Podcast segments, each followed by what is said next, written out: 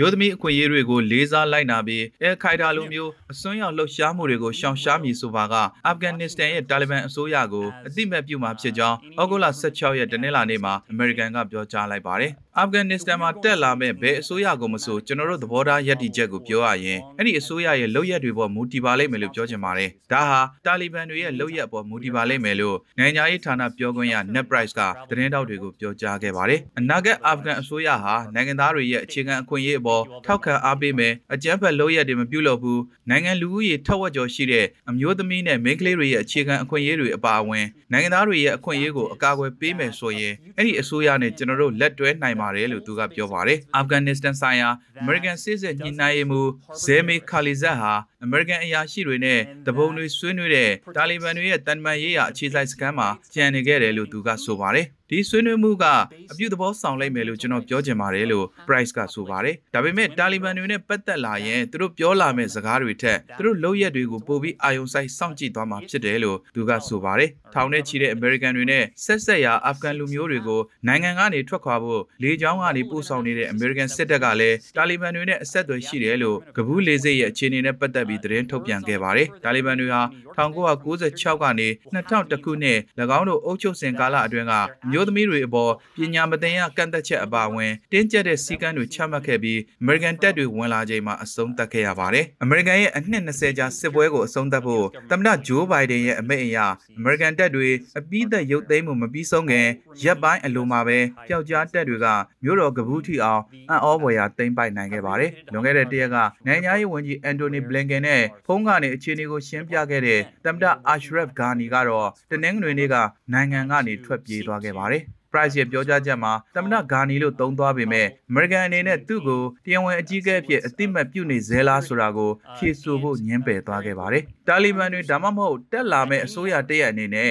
လွန်ခဲ့တဲ့အနှစ်20ကအာဖဂန်အစိုးရလုပ်ခဲ့တယ်လို့မျိုးနိုင်ငံတကာရဲ့ထောက်ခံမှုအဆင့်ကိုလိုချင်နေဆိုရင်ဒီကနေ့နယူးယောက်ကလာတဲ့လုံခြုံရေးကောင်စီစီကစာရွက်ပေါ်ကသကလုံးတိုင်းဟာသစုံတရာအတိတ်ပဲဆောင်ပါလိမ့်မယ်။သူတို့ရဲ့လုပ်ရက်တွေဟာအဲ့ဒီထဲကသကလုံးတွေနဲ့ကိုက်ညီနေတဲ့ တာလီဘန်ကိုကျွန်တော်တို့မျှော်လင့်ပါတယ်လို့နိုင်ငံရေးပြောခွင့်ရ Net Price ကဆိုပါတယ်။ American အစိုးရဝန်ထမ်းတွေ American နိုင်ငံသားတွေကိုအနည်းကင်းစွာကယ်ထုတ်နိုင်ဖို့ကကျွန်တော်တို့ရဲ့ထိတ်တဲဦးစားပေးအလုပ်ပါပဲ။တန်မတ်ကြီးအပါအဝင် American တန်ယုံဝန်ထမ်းအားလုံးကိုလုံခြုံစိတ်ချရတဲ့ ဟာမစ်ကာဇိုင်းလေစိတ်စီပြောင်းရွှေ့ထားပါတယ်လို့သူကဆိုပါတယ်။ကျွန်တော်တို့ဟာမတူညီတဲ့မျက်နှာစာနှစ်ခုကိုတပြိုင်နက်လှုပ်ဆောင်နေပါတယ်။ပထမဦးစားပေးအနေနဲ့ကပူးမြို့ရဲ့တည်ငြိမ်အေးချမ်းရေးကိုထိန်းသိမ်းဖို့ဖြစ်ပြီးအရေးအကြီးဆုံးအနေနဲ့ကျွန်တော်တို့ရဲ့ဝန်ထမ်းတွေနဲ့စစ်စင်ရေးအပေါ်ပြစ်မှတ်ထားချင်းချောက်ဖို့ဘယ်လိုအားထုတ်မှုမျိုးကိုမဆိုအလေးထားတုံ့ပြန်မှာဖြစ်ပြီးလျင်မြန်ပြတ်သားတဲ့တုံ့ပြန်မှုတွေနဲ့ရင်ဆိုင်ရမှာဖြစ်တယ်လို့သူကဆိုပါတယ်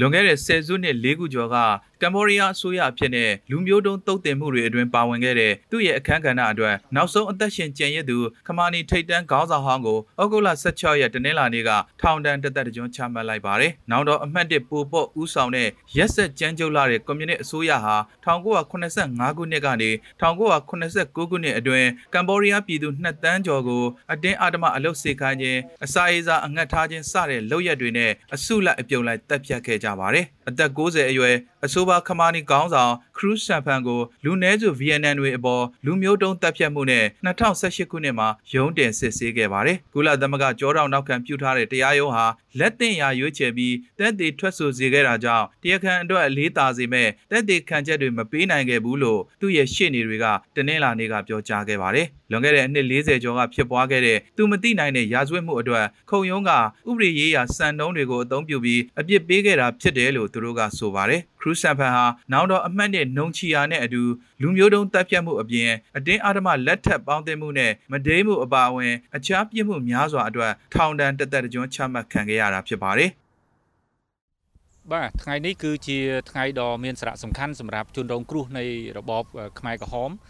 ဒီကနေ့ကခမာနီအစိုးရကြောင့်နစ်နာခဲ့ရသူတွေအတွက်အရေးကြီးတဲ့နေ့တစ်နေ့ပါလူသားမျိုးနွယ်အပေါ်ကျူးလွန်တဲ့ရာဇဝတ်မှုစစ်ရာဇဝတ်မှုနဲ့လူမျိုးတုံးတပ်ဖြတ်မှုတွေအတွက်တသက်တကြွချမှတ်ခံခဲ့ရတဲ့ခရူးစတန်ဖန်ရဲ့အမှုအတွက်အယူခံလွှာကိုတရားရုံးချုပ်ကလက်ခံကြားနာဖို့ဆုံးဖြတ်ခဲ့ပါတယ်လို့ကမ်ဘောဒီးယားအထူးတရားရုံး ECCC ရဲ့ပြောခွင့်ရ Nefi Atra ကပြောပါတယ်ဒီအမှုတွဲမှာကတန်တရားတရားခံ၄ယောက်ပါပေမဲ့ပြည်내ခမာနီအကြီးအကဲဟောင်းခရူးစတန်ဖန်တယောက်ပဲအသက်ရှင်ကျန်ရတာကြောင့်သူ့ကိုပဲခုံရုံးတင်စစ်ဆေးခဲ့ပါတယ်။သူ့အနေနဲ့ BNN တွေအပေါ်လူမျိုးတုံးတပ်ဖြတ်မှုစစ်ရာဇဝတ်မှုနဲ့လူသားမျိုးနွယ်ကိုစန့်ကျင်တဲ့ရာဇဝတ်မှုတွေအတွက်အပြစ်ရှိမရှိကိုတရားရုံးချုပ်ကအတည်ပြုအမိန့်ချမှတ်မှာဖြစ်ပါတယ်လို့သူကဆိုပါတယ်။ Yeah, it looks like a new one. Mm, new. You want me to? ကျွတ်ဆုံတဲ့သူပြီးရှားပါတဲ့ Australia Marsupial တွေဟာတားပိုက်ကောင်အနွယ်ဝင်မျိုးစိတ်ဖြစ်ပြီးမိတ်လိုက်ရာသည့်အပြီးမှာစိတ်ဖိစီးမှုတန်ကြောင့်အထီးတွေသေဆုံးသွားလေရှိပါတယ်။ အသေးကံမျိုးပွားသူလို့ခေါ်တဲ့အဆိုပါတရားလေးတွေရဲ့နေပါလာတဲ့နေရင်းဒေသတွေတဲကတခုဟာဆိုးဝါးတဲ့ Australia Tommy လောင်ကျွမ်းမှုမှာပါသွားခဲ့ပေမဲ့အသက်ရှင်ကျန်ရစ်တဲ့အကောင်လေးတွေကိုဩဂုတ်လ16ရက်တနင်္လာနေ့မှာ သူတေတီတွေကတွေ့ရှိခဲ့တယ်လို့ဆိုပါတယ်2019ခုနှစ်က၎င်းတရားလေးတွေနေတိုင်းကျက်စားရနေရအများစုတည်ရှိတဲ့ဩစတြေးလျအရှေ့ပိုင်း Queensland ပြည်နယ်က Woolbarren အမျိုးသားဥယျာဉ်ကိုတော်မီလောင်ကျွမ်းခဲ့ချိန်မှာလွန်ခဲ့တဲ့၈နှစ်ကစည်ရင်ကောက်ယူအတည်ပြုထားတဲ့ငွေရောင် Antichides ကြွက်ကလေးတွေရဲ့လက်ကျန်အကောင်အရေးအတွက်ကိုသိပ္ပံပညာရှင်တွေကစိုးရိမ်တကြီးဖြစ်ခဲ့ရပါတယ်။အခုမေးတဲ့အားဒေတာဟာအင်းဆက်နဲ့ပင်ကူတွေကိုအမိပြုရှင်သန်တဲ့၎င်းမျိုးစိတ်တွေအတွက်ဩစတြေးလျကထင်ရှားတဲ့နေရင်ဒေတာ၃ခုအနက်ကတစ်ခုဖြစ်ပါတယ်။မိသင်းတဲ့နေရာကရောလွတ်တဲ့နေရာတွေကပါအလုံး22ကောင်ရှာတွေ့ခဲ့တယ်။ဒါသူတို့တွေရဲ့ခန္ဓာရှိမှုကိုပြတာပဲလို့ပါရဂူတန်းတက်ရောက်နေသူ Stephanie Battista နဲ့အတူရှာဖွေမှုကိုဦးဆောင်ခဲ့တဲ့ Queensland နေပညာတက္ကသိုလ်က Andrew Baker ကဆိုပါတယ်။သူတို့နေရင်ဒေတာရဲ့သုံးပုံတစ်ပုံတောမီတဲ့ပါသွားခဲ့တာကြောင့် တကောင်မှရှာမတွေ့တော့မှကိုစိုးရိမ်နေခဲ့တာလို့သူကဆိုပါတယ်။ပြင်းထန်တဲ့နှစ်ပတ်ကြာမိတ်လိုက်ရာသီရဲ့ဒဏ်ကြောင့်အသက်တစ်နှစ်မပြည့်မီပါပဲသေဆုံးသွားလေရှိတဲ့အဆိုပါငွေရောင်ဥကောင်းတဲ့ Antichiris ကြွက်ကလေးတွေဟာအစာတွေကမရေရာတဲ့ဘဝရှင်သန်မှုပုံစံရှိကြပါတယ်။အမတွေကတော့တားပေါက်ရာသီ၃ခုထိအောင်အသက်ရှည်ကြပါတယ် We all know after the, the terrible fires of 2019 2020 that a lot of our. အားလုံးသိကြတဲ့အတိုင်း 2019-2020ခုနှစ်တွေကကြောက်စရာကောင်းတဲ့တောမီတွေကြောင့်ကျွန်တော်တို့ရဲ့တောရိုင်းကောင်လေးတွေပေါ်တိတိတသာထိခိုက်စေခဲ့ပါတယ်။အဲ့ဒီထဲကဖိုအားလားလေးတွေကိုတော့ TV မှာမြင်ကြရလို့အားလုံးကောင်းကောင်းသိကြပါတယ်။ဒါပေမဲ့တခြားအလားတူတရားလေးတွေအများပြားလဲထိခိုက်ခဲ့ရပါတယ်။ဒီနေ့ကျွန်တော်တို့ရှာနေတာကငွေရောင်ဥကောင်းတဲ့ Antichiris ကြွက်ကလေးတွေပါ။တင်းငယ်တဲ့အသားစားအမွှေးတူကောင်လေးတွေပါ။ လူသိများပေမဲ့တွေ့ရဖို့အရန်ခက်ခဲတဲ့အကောင်လေးတွေဖြစ်ပြီးဘူဘာရင်အမျိုးသားဥယျာဉ်တွေကထူထပ်တဲ့မိုးတစ်တော်ထဲမှာသူတို့ကိုတွေ့နိုင်ပါတယ်လို့ကမ္ဘာတော်ရိုင်းတိရစ္ဆာန်ရမုံငွေအဖွဲ့ဩစတြေးလျရဲ့ကုန်းမြေနဲ့ပင်လယ်ဆိုင်ရာအကြီးအကဲဒါရင်ဂရိုဘာကဆိုပါတယ် So how would you sum up their life story? Live fast and die young. အထီးတွေရဲ့ပွေးစေတွင် testosterone level မြင့်တက်မှုကြောင့်စိတ်ဖိစီးမှုဖြစ်စေတဲ့ cortisol ဟော်မုန်းထုတ်လွှတ်မှုကိုမထိန်ချုပ်နိုင်ဖြစ်ရာကလွန်ကဲလာပြီးအစိတ်အသင့်သေဆုံးနေတာဖြစ်ပါတယ်။ဒီတန်းကြောင့်အထီးတွေဟာခန္ဓာကိုယ်တွင်သွေးယိုစီးမှုကိုခံစားရပြီးအမွှေးတွေကျွတ်တာတခါတည်းမျက်စိကွယ်သွားတာတွေအထိဖြစ်ကြပါတယ်။ဒါပေမဲ့သူတို့သေဆုံးချိန်ထိအောင်ပတ်ဝန်းကျင်ကအမတွေကိုမမြင်မကန်းလိုက်ရှာကြတယ်လို့ဘေကာကပြောပါတယ်။ တနိုင်ငံလုံးကိုတာလီဘန်ကသိမ်းပိုက်လိုက်ပြီးတဲ့နောက်မှာတရုတ်နိုင်ငံအနေနဲ့အာဖဂန်နစ္စတန်နဲ့ချစ်ကြည်ရင်းနှီးတဲ့ဆက်ဆံရေးပုံမနှက်ဆိုင်လာစေဖို့အသင့်ရှိကြောင်းတရုတ်ရဲ့ပြောခွင့်ရအမျိုးသမီးကဩဂုတ်လ16ရက်တနင်္လာနေ့ကပြောကြားလိုက်ပါတယ်။အာဖဂန်ကနေအမေရိကန်စုခွာခြင်းနဲ့အတူဘေကျင်းဟာတာလီဘန်နဲ့တရားမဝင်ဆက်ဆံရေးကိုဆက်လက်ထိန်းသိမ်းထားဖို့ကြိုးပမ်းခဲ့မှုကြောင့်အာဖဂန်တဝမ်းကအစ္စလာမစ်အစွန်းရောက်တွေကိုအားပေးရာရောက်ခဲ့ပြီးတနင်္ဂနွေနေ့ကမြို့တော်ကဘူးကိုပါသိမ်းပိုက်နိုင်စေခဲ့ပါတယ်။တရုတ်ဟာအာဖဂန်နစ္စတန်နဲ့နယ်နိမိတ်ချင်း86ကီလိုမီတာထိစပ်နေပြီးရှင်ဂျီယန်ဒေသကမွတ်စလင်လူနည်းစုဖြစ်တဲ့ဝီဂါခွဲထွက်ရေးသမားတွေရဲ့အခြေစိုက်စခန်းဖြစ်လာမှာကိုဘေကျင်းကကြောက်ရွံ့နေခဲ့ပါတယ်။ဒါပေမဲ့ပြီးခဲ့တဲ့လကတရုတ်နိုင်ငံသားရေးဝန်ကြီးဝမ်ယီနဲ့တွေ့ဆုံချိန်မှာအာဖဂန်နေမြေဟာစစ်သွေးကြွတွေရဲ့အခြေစိုက်စခန်းအဖြစ်အသုံးပြုခွင့်ပေးမှာမဟုတ်ကြောင်းတာလီဘန်အကြီးတန်းခေါင်းဆောင်တွေကကတိပေးခဲ့ပါတယ်။အပြန်အလှန်အနေနဲ့တရုတ်ကလည်းအာဖဂန်နိုင်ငံပြန်လည်ထူထောင်ရေးမှာစီးပွားရေးအထောက်ပံ့တွေပေးသွားမယ့်အကြောင်းကန့်လန့်ခဲ့ပါတယ်။တနင်္လာနေ့ကတရုတ်ကပြောကြားရာမှာအင်အားကြီးနိုင်ငံတွေအတွက်ပထဝီအနေအထားအရ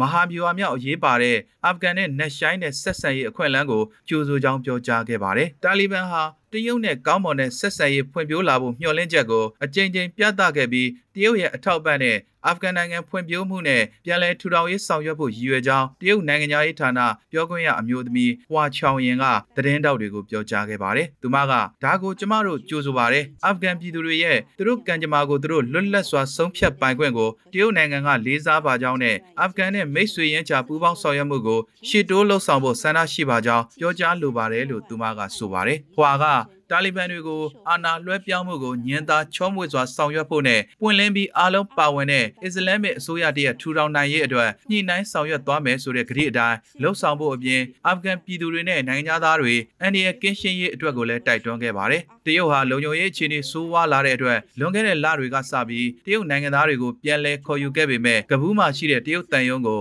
ဆက်လက်လည်ပတ်နေစေဖြစ်ပါတယ်။တနင်္လာနေ့ကတန်ယုံရဲ့ထုတ်ပြန်ချက်မှာအာဖဂန်မှာကျန်နေတဲ့တရုတ်နိုင်ငံသားတွေလုံခြုံရေးအတွက်အထူးဂရုစိုက်ကြဖို့နဲ့အိမ်ထဲမှာပဲနေထိုင်ကြဖို့တိုက်တွန်းသတိပေးထားပါတယ်။ American သမ္မတဂျိုးဘိုင်ဒန်ကနှစ်20ကြာစစ်ပွဲကိုစက်တင်ဘာလ17ရက်မှာအပြီးသတ်အဆုံးသတ်ဖို့ကတိပေးထားပါတယ်။ဒါပေမဲ့အာဖဂန်အစိုးရရဲ့ညံဆန်တဲ့ပြိုလဲမှုနဲ့တာလီဘန်ရဲ့အရှိန်ဟုန်နဲ့ထိုးစစ်ဆင်နိုင်မှုကိုဝါရှင်တန်ကအံ့ဩတုန်လှုပ်သွားခဲ့ပါတယ်။တာလီဘန်ကတော့အာဖဂန်ပြည်သူတွေအနေနဲ့သူတို့ကိုမကြောက်ရွံ့ဖို့နဲ့အမေရိကန်ကိုကူညီခဲ့သူတွေကိုလည်းလက်စားချေမှာမဟုတ်ကြောင်းပြောကြားခဲ့ပြီးနိုင်ငံတကာအတိုင်းဝိုင်းရဲ့ယုံကြည်မှုကိုရရှိဖို့ကြိုးပမ်းခဲ့ပါတယ်။နိုင်ငံကထွက်ခွာလို့တဲ့အာဖဂန်လူမျိုးတွေကိုခွင့်ပြုပေးဖို့နိုင်ငံပေါင်း65နိုင်ငံလက်မှတ်ထိုးထားတဲ့အမေရိကန်ရဲ့ကြေညာချက်မှာတာလီဘန်တွေကိုတိုက်တွန်းထားပြီးဘလို့အကြမ်းဖက်မှုမျိုးကိုမဆိုထိုက်တန်တဲ့တာဝန်ယူမှုရှိစေမှာဖြစ်ကြောင်းတတိပေးခဲ့ပါတယ်။အာဖဂန်နစ္စတန်ရဲ့အခြေအနေကကြီးမားတဲ့အပြောင်းလဲတွေဖြစ်လာခဲ့တယ်။အာဖဂန်ပြည်သူတွေရဲ့ဆန္ဒနဲ့ရွေးချယ်မှုကိုကျမတို့လေးစားပါတယ်။အာဖဂန်နစ္စတန်မှာနှစ်ပေါင်း40ကျော်စစ်ပွဲတွေဖြစ်ပွားခဲ့တယ်။စစ်ပွဲတွေရပ်တန့်ပြီး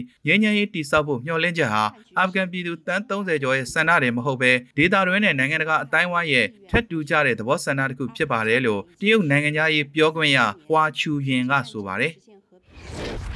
အာဖဂန်တနိုင်ငံလုံးကိုတာလီဘန်တွေသိမ်းယူပြီးတဲ့နောက်အာဖဂန်ဘက်ကနေနောက်ထပ်ဒုက္ခသည်ဝင်ရောက်မှုတွေကိုတားဆီးဖို့တူရကီနိုင်ငံဟာအီရန်နဲ့ထိစပ်နေတဲ့နယ်စပ်မှာတတိုင်းတွေတိစောက်နေပြီဖြစ်ပါတယ်။ဗန်စီယန်စုမှာ3မီတာအမြင့်ရှိပြီး5ကီလိုမီတာအရှည်ရှိတဲ့တတိုင်းတွေစောက်လုပ်နေပြီဖြစ်ပါတယ်။တတိုင်းတွေကိုတန်ဆူးကြိုးတွေတူးမြောင်းတွေနဲ့လုံခြုံရေးတိုးမြင့်ထားပါတယ်။အခုလောလောဆယ်မှာတော့အီရန်နယ်စပ်တစ်လျှောက်156ကီလိုမီတာထိတတိုင်းခတ်ပြီးသွားပြီဖြစ်ပြီးစုစုပေါင်းအရှည်243ကီလိုမီတာထိခတ်ဖို့ရည်ရွယ်ထားကြောင်းသိရှိရပါတယ်။တူရကီဟာဆီးရီးယားကနေစစ်ဘေးရှောင်လာတဲ့ဒုက္ခသည်3.8